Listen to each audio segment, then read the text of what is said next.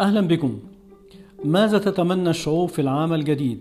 هل تتمنى الطعام والصحة والتعليم أم تتمنى بناء ناطحات سحاب واختراع أسلحة لفناء الجنس البشري؟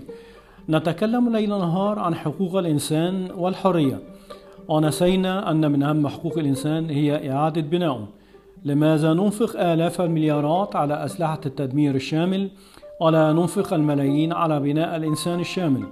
كل منا له حلم في هذا العالم الصغير منزل يأوي إليه بعد عناء العمل وحياة إلى حد ما مستقرة ولكن كيف يستطيع نفس الإنسان أن يعيش في هذا العالم الذي يسعى في نفس الوقت إلى تدميره لم أتوصل بعد للمعنى الحقيقي لحقوق الإنسان من المنظور الغربي هل هي نفس الحقوق هناك وهنا؟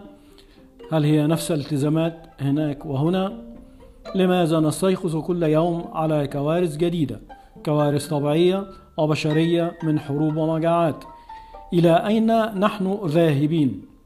لذا إذا استطعت أن تقرأ فأنت تمتلك المعرفة وإذا امتلكت المعرفة فأنت تمتلك القوة. سؤالي إلى كل من يسمعني سيدات ورجال شباب وفتيات هل تقرأ حتى تمتلك المعرفة وبالتالي القوة؟ هل حاولت على الأقل فك طلاسم ما يجري حولك؟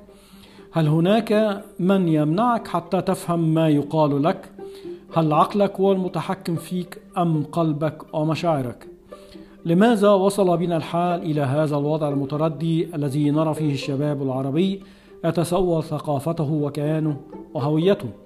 أصبحنا في خبر كان فضاعت اللغة وضاعت الهوية أصبح كل ما يأتي من خارج الأوطان عبر الوسائل الإعلامية هو المحدد الرئيسي الذي يمتلك مفتاح عقولنا أعرف أن لنا عقول فعلت المستحيل خارج الأوطان.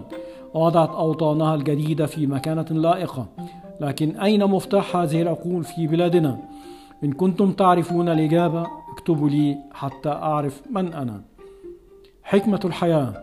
إذا كان الرجل عقل هذا العالم فإن المرأة هي قلبه النابض. إذا ذهب العقل سيجن وإذا توقف القلب سيموت. ونحن نستقبل العام الجديد هل تمتلكون الرؤية الواضحة لما هو قادم أم انتشر الضباب فانعدمت الرؤية؟ كل عام وحضراتكم بخير.